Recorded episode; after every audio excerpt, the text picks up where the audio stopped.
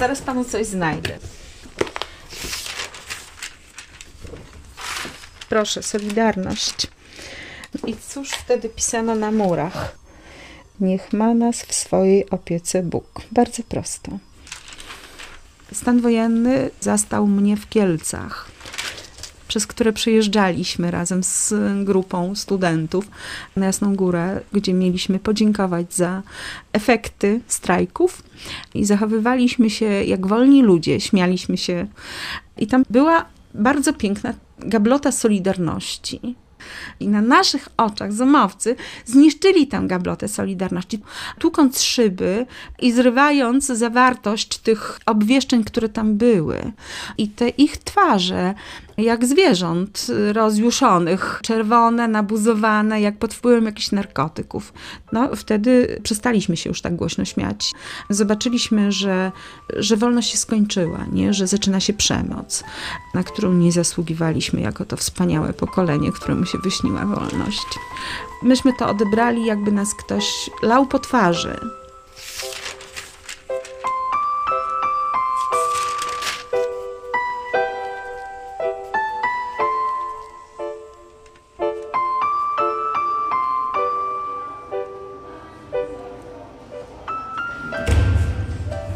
Na tych korytarzach, tu była historia sztuki, tam na dole historia, to tutaj spiskowano na prawo i lewo, w sposób niezauważalny oczywiście fizycznie, bo jakżeż można było to robić. To tu w Lublinie ludzie Katolickiego Uniwersytetu Lubelskiego zaczęli w 1976 roku niezależną poligrafię, który ciężar potem przeniósł się do Warszawy. Pamiętam atmosferę wokół wysłania pierwszego powielacza do Polski. Nie chciał się na to zgodzić ani Jan Nowak-Jeziorański, ani Giedoć, bo oni mieli odniesienia do okresu okupacji i sądzili, że przysłanie powielacza do Polski skończy się aresztowaniem najlepszych ludzi i niczym więcej. Okazało się, że nie. Więc to tu się zaczęła rewolucja powielaczowa, takie określamy. To nie moje określenie, to określenie Wojtka Chudego, teraz profesorem na Katolickim Uniwersytecie z powielacza nikt przedtem nie korzystał, to było karalne, zatem chodziły policje tajne, jawne i psiowe, no nie? I nagle znalazła się grupa ludzi bez wyobraźni, którzy zaczęli robić coś na powielaczach.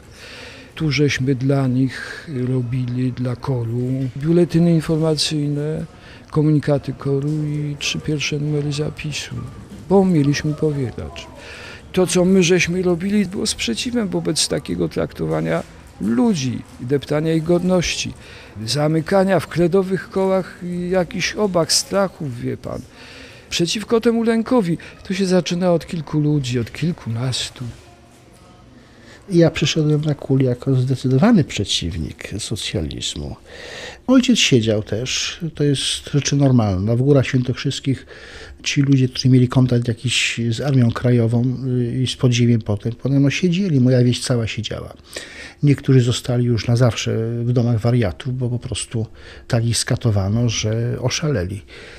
Także u mnie w domu tylko przestrzegano mnie, żebym czegoś głośno nie mówił, bo znowu ktoś pójdzie siedzieć. I tylko tyle. Przyszedł rok 80. Myśmy tu oboje mieli pracę na kulu. Oboje zostaliśmy wybrani do tego pierwszego komitetu założycielskiego na kulu Solidarności. To tutaj Stanowski nas uczył demokracji, jak powinno się zebrania robić, jak komisję matkę się zakłada, jak z tego się wyłania, prawda, kto prowadzi obrady, jak głosować. On się na tym po prostu zwyczajnie technicznie znał i miał to już jakby przećwiczone jeszcze z swoich studenckich. Zaczęło się tak powiedzmy już gorzej dziać od konfliktu bydgoskiego, kiedy Jaśka Rulewskiego, kiedy Jasiek Rulewski się pobił sam. Konkluzja sądu była taka, że, że sam się targał za szczęki, prawda, i pobił się. Po prostu Jaruzelski dążył do tego, żeby zaostrzyć ten konflikt i znaleźć powód, żeby zamknąć ludzi i rozwiązać ten ruch Solidarności. Wiosną 1981 roku w Wyższej Szkole Inżynierskiej w Radomiu dokonano manipulacji i zmieniono ordynację wyborczą. Dzięki temu ponownie rektorem mógł zostać profesor Michał Hebda, a nie kandydat popierany przez Komisję Zakładową Solidarności. Efektem sporu o ordynację było usunięcie z Senatu uczelni przedstawicieli Solidarności i Niezależnego Stowarzyszenia Studentów. Społeczność akademicka przekonała się, że władze państwowe tylnym wejściem wprowadzają stare porządki i swoje sprawdzone metody działania.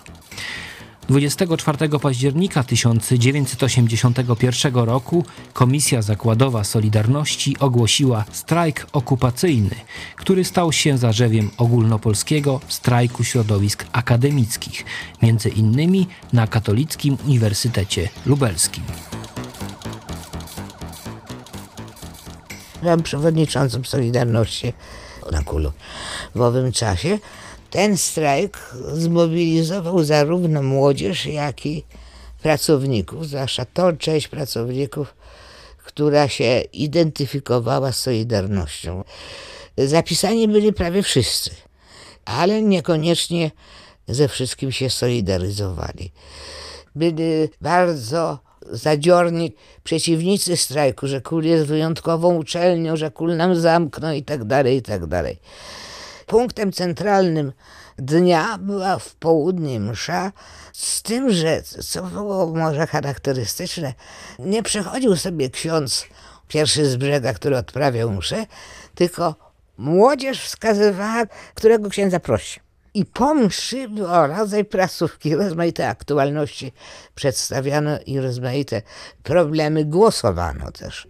To był rzeczywiście strajk bardzo czynny, bo jednocześnie był strajk szkolny, czyli uzupełnianie białych plam w historii, które program oficjalny nie uwzględniał.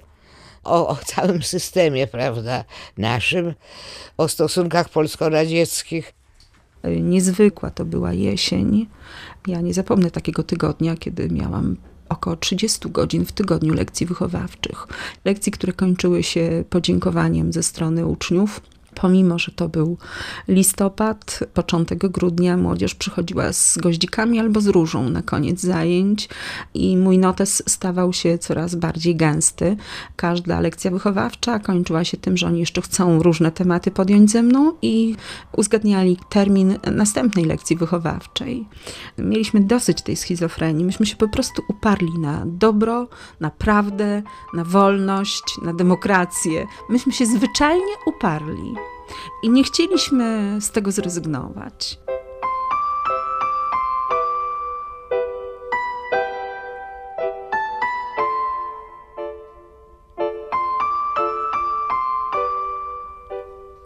Druga strona była gorsza niż beton z najbardziej zwartego żwiru. Chwilami było to nie do strawienia po prostu. Dwa razy było usiłowanie podpalenia baraków drewnianych, także straż chodząca wokół kulu musiała być tak rozstawiona, musiało tyle ludzi wiązać, że mieli łączność wzrokową. A druga rzecz, chciano się mnie pozbyć po prostu, żeby sypnięto jakiegoś świństwa do kawy. Odwodniło mnie tak, że musieli mnie do szpitalika tak zwanego zaprowadzić pod kroplówki. Mieliśmy ostrzeżenia z tamtej strony, tam też były, że tak powiem, nasze wtyczki, że no, szykuje się coś nagłego, żeby absolutnie zamykać ten strajki studenckie. Także późno wieczorem mnie wyciągali z tego szpitalika, żeby pomóc zamknąć strajk. No, byłam tak słaba, że na podium, jak wychodziłam do mikrofonu, to jednak mnie musieli z dwóch stron podtrzymywać, bo byłem po prostu klapła. No i udało się po strasznych wyzwiskach jednak było. Wy młodzie sobie nie zdajecie sprawy, jak kul był spenetrowany. Naprawdę mieliśmy tyle agentów, tych najgorszych pyskaczy i podskakiwaczy, chociaż nie wszyscy oczywiście pyskacze byli agentami, ale sporo ich było. Rozwiązaliśmy ten strajk. Położyłem się spać. O godzinie chyba w pół do dwunastej przygotowawszy się na weekend w postaci golonki, którą sobie kupiłem i kurczaka, którego sobie upiekłem, zostałem wyciągnięty z chałupy jak zwykle. Zdumiony byłem, że panowie, którzy po mnie przyszli w jakiejś takiej nazbyt wielkiej ilości, no nie mówię o jakimś stanie wojennym, o którym nie słyszałem jako żywo, tradycyjnie sądząc, że biorą mnie na 48 godzin, nie wziąłem ani rękawic, ani czapka, ani kalesen, bo do dzisiaj w nich nie chodzę. No i potem przyznam, że trochę mi się to nie opłaciło. No i wsadzili nas e, do suk. Po siedem osób jest e, w jednym boksie, w drugim też. I ci z maszynowymi karabinami tam stali. I z kulu wzięli na siedmiu. Z dziewczyn na razie żadnej nie wzięli, dopiero chyba za półtora roku wezmą Ewę Jabłońską deptułową. Natomiast Bartmińskiego wzięli w kajdankach. On był wtedy prolektorem i on miał mnóstwo dzieciaków.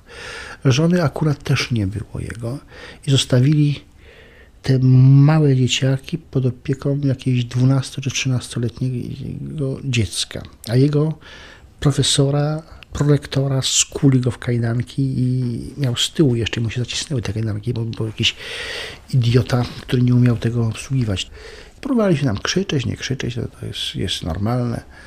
Nikt nas specjalnie nie bił, tylko myśmy nie wiedzieli, gdzie jedziemy. W aucie, mm, w aucie to ładnie powiedziane, niezłe mi auto, one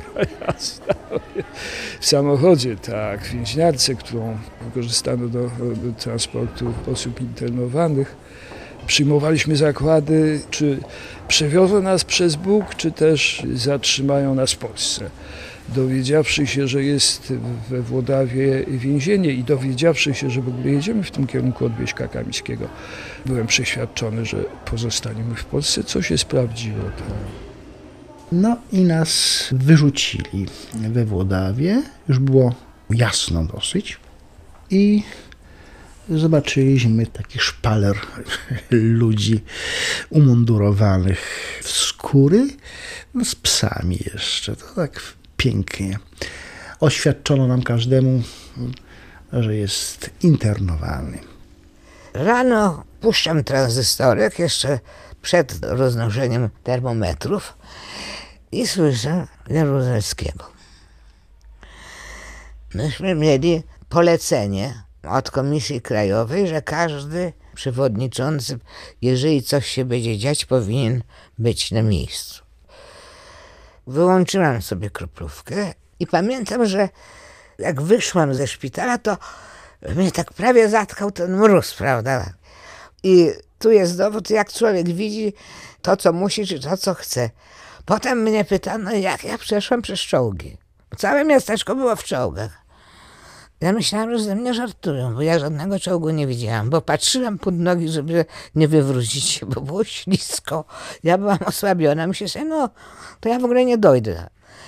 No to od razu do właśnie naszego zastępcy, księdza Ryczana i pierwsza rzecz, cośmy robili, to wynosiliśmy papiery. Kartoteki członków i tak dalej. I zamykaliśmy bramę. No, zebrała się cała komisja uczelniana. No, bramy pozostawały zamknięte. Studenci się schodzili i namurągali w sposób straszliwy. A dlaczego myśmy to zrobili? Dlatego, że właśnie mieliśmy tu tylu prowokatorów. Po drugie, kul był kiedyś koszarami. W okresie zaborów i jeszcze trzeci wzgląd. To był punkt strategiczny przy szosie warszawskiej, prawie naprzeciw domu partii. I tu trzeba było ten budynek chronić, bo jakby wleźć, to by nie wyleźli. O świcie dostaliśmy się na Jasną Górę i o stanie wojennym tak naprawdę i co to jest ten stan wojenny, to dowiedzieliśmy się z ust prymasa Glempa, który przyjechał na to spotkanie z nami, ze studentami i bardzo trudno nam było zaakceptować tę mowę księdza prymasa.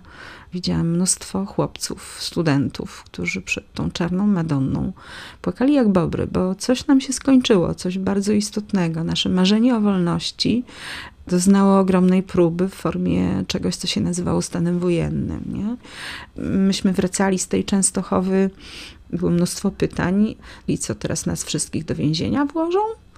Przecież my się nie zgadzamy z tymi rozporządzeniami stanu wojennego. I jak tu znaleźć modus vivendi, żeby wyrazić nasz opór, nasz sprzeciw wobec czegoś takiego?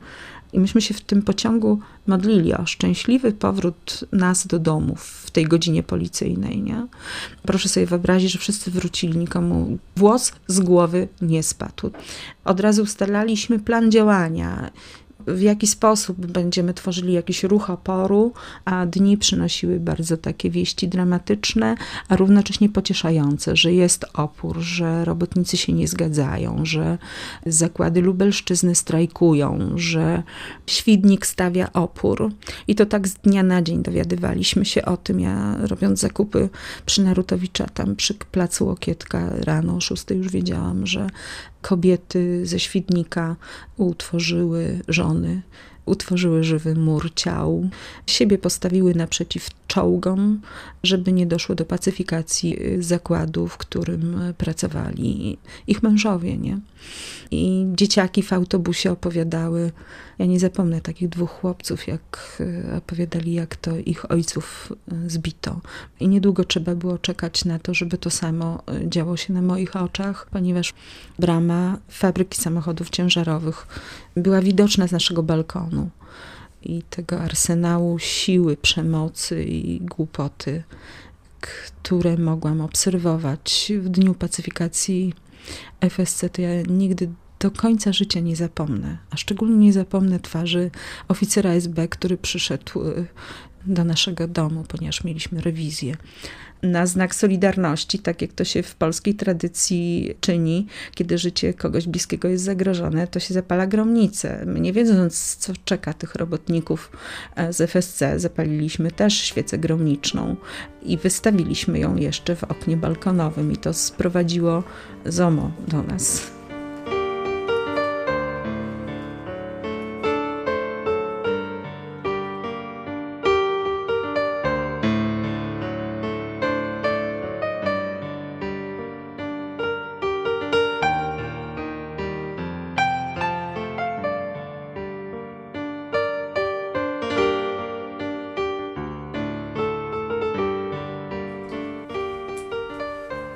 Kuria była kompletnie zabarykadowana, telefony nie działały. Pod kurię przychodzili robotnicy z tych fabryk, które miały strajkować. To strajk wojenny już, prawda? I rzecz się miała tak, że przyszli po księży na kul. I mój zastępca, ksiądz Kazimierz Ryczan, powiedział, no jak nie można z kuli otrzymać księży, to my to z kulu wyślemy i swoich kumpli, czy to studentów, ze swojej diecezji, bo on był diecezji przemyskiej, wskazał na ochotnika, że oni chcą pójść do fabryk. I to była prawie że ewangeliczna scena, bo sześć fabryk się zgłosiło, a rozesłaliśmy po dwóch, czyli dwunastu księży. Bo że jak jeden nie dojdzie, to drugi dojdzie, prawda? No ale pracownicy z FSC, jak my zobaczyli, że ja nie jestem internowana, gwałtu, żeby z nimi iść. Ale dlaczego? Dlatego, że swego czasu w marcu był taki strajk próbny. Po aferze bydgoskiej, po biciu Ruleckiego i innych. I wtedy zarząd regionu przeniósł się do FSC i ja tam byłem jako sekretarz strajku w regionie. I przeszliśmy na FSC przez wszystkie wydziały. I mnie zapamiętano. I gwałtu koniecznie, żeby z nimi na FSC iść. Nie ukrywam, że się bardzo bałem. A jak przechodziłem pod bramą od dziedzińca ku kościołowi, bo główna brama była jeszcze nieczynna, to mi dosłownie stanęło całe życie przed oczyma, jak tonącemu. A nasza najmłodsza córka miała wtedy 9 lat. Myślę sobie, Boże, ja już jej chyba nie zobaczę. Nie wiadomo na co się szło. Czy nie postawiał pod ścianą i nie rozstrzelają. Wtedy naprawdę nie było wiadomo. No gdyby niektóre poczynania doszły do skutku, którą oni sobie szykowali, robotnicy, w obronie własnej, to by tu się ciężko krew polała. Ciężko. Na przykład robotnicy z FSC sobie szykowali taką wyrzutnię, że będą rozgrzane odkówki miotać w domu. No i właśnie w kuźni trzeba było pacyfikować kowali. Oni rozstawili na całej hali takie wózki, które odkówki rozwoziły, tak w szachownice te wózki, żeby bronić się, jakby do wchodzić. Ja im tłumaczyłem, Dużo to trudu kosztowało, Żeby wytłumaczyć, że oni sami pierwsi sobie, sobie połamią na tym nogi. Bo jak tu gazy, prawda, łzawiące wpuszczą, to będą uciekać i będą się potykać o te wózki. No i byłem do końca do pacyfikacji. I żadne zastawianie i barykadowanie bram nie pomogły, bo czołgami od tyłu powjeżdżali. Patrzyliśmy, jak ta platforma dworca autobusowego zapełnia się sprzętem wojennym. Dla nas było to nie do pojęcia, że można syna postawić przeciwko ojcu, a ojca przeciwko synowi. I tego ja Jaruzelskiemu nigdy nie wybaczę i nie zapomnę. Pędzonych, bo mieli też marzenie podobne do naszego, bo to było najbardziej perfidne, co można było zrobić. I nie jeden człowiek nie podniósł się już nigdy z katatonii, w którą popadł. Tak się zdarzyło nam, studentom psychologii, że mieliśmy nieprzerwalnie blok ćwiczeń na psychiatrii. Ja widziałam ofiary stanu wojennego. Spętani przez lęk, oni nie umieli mówić, oni byli sztywni, bo byli złamani psychicznie, bo jeżeli kazano synowi strzelać do ojca, a to on tego napięcia jako wcielony siłą tam do ZOMO nie mógł wytrzymać, To prawda? byli też zomowcy? To byli też zomowcy. Pamiętam żonę jednego z ukrywających się, która całą ciążę była tak bardzo zaniepokojona o los swojego męża, który był działaczem politycznym. Całą ciążę paliła i nie dała sobie wytłumaczyć tego, że nie można palić z tego napięcia, w efekcie czego ich dziecko w wieku 3,5 roku dostało białaczki. Wiele lat leczenia trzeba było i cudem się udało dzięki pomocy wielu ludzi z Europy Zachodniej, że ta dziewczynka żyje. Dzisiaj ma tyle lat, ile ma stan wojenny. Na Narutowicza było to centrum informacji też dla internowanych. Ksiądz Brzozowski podsyłał mnie tam, gdzie były rodziny w trudnej sytuacji, gdzie były małe dzieci albo gdzie były matki oczekujące potomstwa. I ja szłam z taką pomocą psychologiczną, żeby porozmawiać, wysłuchać tych ludzi, zapytać o to, co jest potrzebne. I chodziłam głównie właśnie na Tatary. Trzeba było zapamiętać adres, żeby nie mieć przy sobie tak jak za czasów konspiracji. I trzeba było dojść. Tak jak mnie bolały nogi w stanie wojennym, to mnie tylko jeszcze na pielgrzymce bolały. I te dzieci takie wyjątkowo nad wyraz dojrzałe i smutne, nie? I te rysunki tych dzieci też takie niesamowite. Jaruzelskiego jako generała i gloryfikowały niezwykle Wałęsę, nie? Solidarność była w tych rysunkach takim emblematem, takim zaklęciem, takim słowem prześlicznym, rysowanym na czerwono, bardzo dokładnie, z różnymi ozdobnikami. Ta twórczość dziecięca z tego czasu oddaje piękno duszy Polski.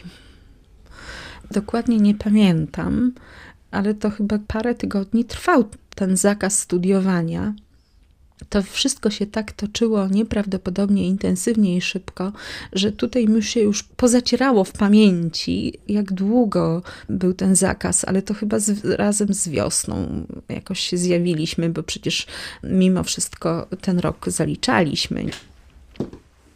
Kiedy wróciłem na zajęcia, to gdzieś tak chyba drugi semestr uruchomiono. Końcówka sama kwietnia czy maj? Maj, w maju. I kiedy wróciłem, to dziewczynki przywitały mnie fiołkami zbieranymi z trawników.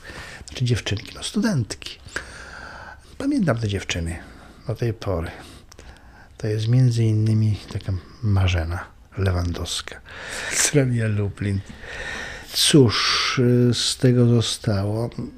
Pewna duma została, że kiedy wszyscy mówili, że to jest głupota, że z motyką na słońce, to ma się poczucie, że się człowiek zachował przyzwoicie i odkąd tylko zaczął rozumu używać. Że nie ma na koncie żadnych ZMS-ów, ZMW, żadnych partii, żadnego nawet flirtu lekkiego z komuną. Jednocześnie, ponieważ katolicyzm się bierze na poważnie, więc nie potępia się ludzi, prawda, aż tak bardzo, że jeżeli ja tego nie robiłem, to inni też mogli. Ale z drugiej strony, jak mam możliwość nie podania ręki, to nie podaję ręki tym ludziom. O, to jest to. Tego szukałam. Na tych dwóch fotografiach mamy bardzo historyczne zdarzenie, jakim jest wygrany proces y, naszej komisji zakładowej y, Niezależnego Samorządnego Związku Zawodowego Solidarność Pracowników KULU, kiedy to w roku 1987 wygraliśmy w Sądzie Najwyższym reaktywację naszej Solidarności Kulowskiej. I to była pierwsza zarejestrowana, reaktywowana komisja, i później jak lawina zaczęło się reaktywowanie innych struktur związkowych. Marek, mój kolega, przypina mi plakietkę Solidarności przed wejściem na rozprawę. No i tak to się zaczęło. To był dzień moich imienin. Pamiętam, że jak wróciłam z Warszawy, to na klamce tutaj od drzwi było mnóstwo żywych kwiatów moich przyjaciół, którzy nie rozumieli, jak można w dzień imienin wyjeżdżać poza Lublin.